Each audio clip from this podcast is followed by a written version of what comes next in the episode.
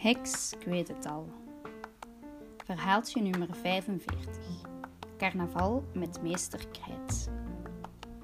Ik weet het al wist dat er in de school een carnavalsfeest was. Ze wilde een kijkje nemen hoe het er aan toe ging.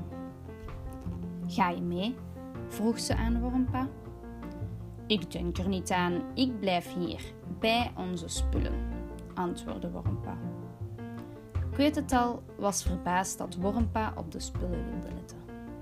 Ik vertrouw Valsefie gewoon niet. Ze zou maar al te graag alles wegtoveren, legde Wormpa uit. Oh, dan toveren toch gewoon alles opnieuw, lachte Kwetetal. Ze begreep wel dat Wormpa eigenlijk niks met een school te maken wilde hebben. Kwetetal vloog dus alleen naar school. Ze hoorde er vrolijke muziek en kreeg zin om te dansen. Ze keek door het venster en zag de klas van Lies, Loes, Joris en Jan. De kinderen hadden alles mooi versierd. Overal hingen slingers en er lag confetti in het hele lokaal.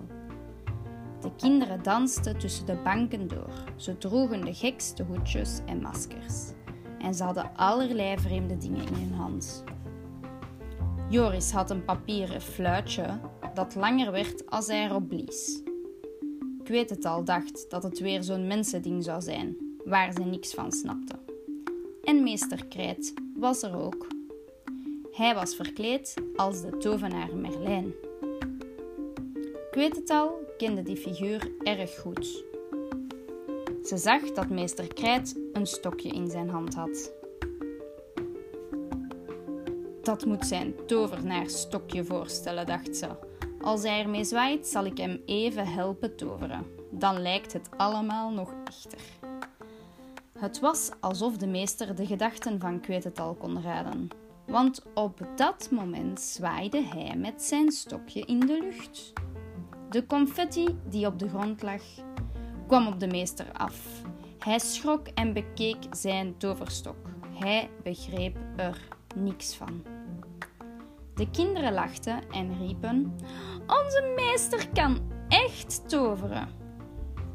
Meester Krijt ging trots op zijn stoel staan. Als je wilt, kun je alles, zei hij. Weer zwaaide hij met zijn stok. Deze keer ging hij een klein eindje de lucht in. Uh, jongens, tijd om op te ruimen. De bel zal zo wel gaan, riep hij. De confetti belandde vanzelf in de vuilnisbak de slingers vielen opgevouwen op de bank van de kinderen en de muziek stopte. De stoelen schoven spontaan weer op hun plaats. Ook de kinderen stonden netjes in de rij met hun boekentas in zijn hand. Meester Krijt bekeek de toverstok. Deze toverstok moet ik bewaren.